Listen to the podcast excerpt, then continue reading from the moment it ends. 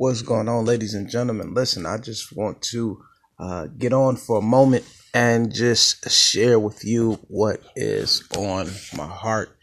And it's simply, we're better together. That you can get more accomplished, more accomplished in life uh, when you have uh, somebody who is walking with you. A lot of times we try to get to our destinations, we try to get to where we see God uh, uh, uh, uh, placing us, and we try to do it by ourselves. We try to pull ourselves up by our own bootstraps. We we, we try to accomplish our goals um, by ourselves and doing things on our own and uh, walking in uh, on this journey independently. Um, but I simply want to tell you that if you are, if your mindset is of that, that you have some re thinking to do because uh, you get to where you are based upon uh, who's walking with you. Now, I'm not saying that somebody has to walk with you every step of the way. No, I'm not saying that. But what I am saying is that uh, in order to get to where you want to go, uh, you will have to engage and entertain and befriend uh, some people along the way.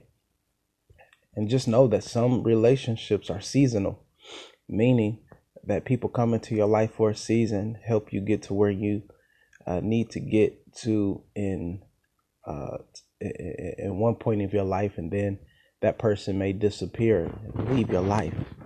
Uh, so, so re- some relationships are seasonal, um, but for the most part, uh, most uh, the way that we get to where we see ourselves going is that we are walking with uh, somebody. Somebody has uh, been placed, ordained in your life to help you get to where you're going.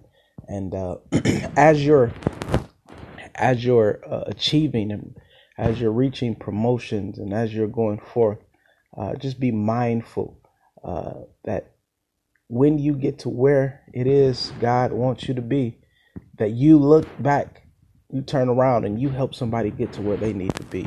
That when you begin to think about how you got to where you're going, that you begin to pour back into someone who is on this journey called life, um, attempting to get to where God wants for them to be. God wants us to be in community. Um, so I'm asking you, I'm telling you, uh, listen, it's better. It's better when you have somebody by your side. It's better when you have somebody who you can wrestle your thoughts with, or when you're thinking of a concept and you have somebody that you can talk that concept out with. Uh, yes, I understand sometimes we have different personality traits where to the point that we don't want to share everything, but some it's necessary to at least have somebody that you can share with uh, your creativity, your your thoughts, what you're thinking, the things in which you're working on, uh, so that you can um, get someone else's perspective um, before you um, go forth with an idea. Somebody may be able to uh, listen to your idea and add something to it that you couldn't see from your vantage point, and it's okay. Um, but yes, you, you you're you need one. For the Bible says two is better than one. For when that one fall, he or she has somebody to cover them, to pick them up, to, to walk with them.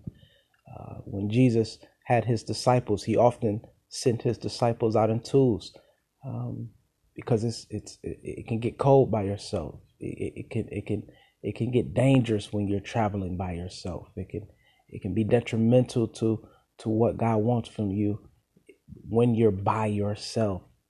Um, so it is good to have someone who can cover you, who can lift you up, who can uh, challenge you, who can give you uh, uh, criticism, constructive criticism that will build you up and make you better. So, yes, I am encouraging you to even seek an accountability partner, someone who's going to keep you on your P's and Q's, who, who will challenge you and help you.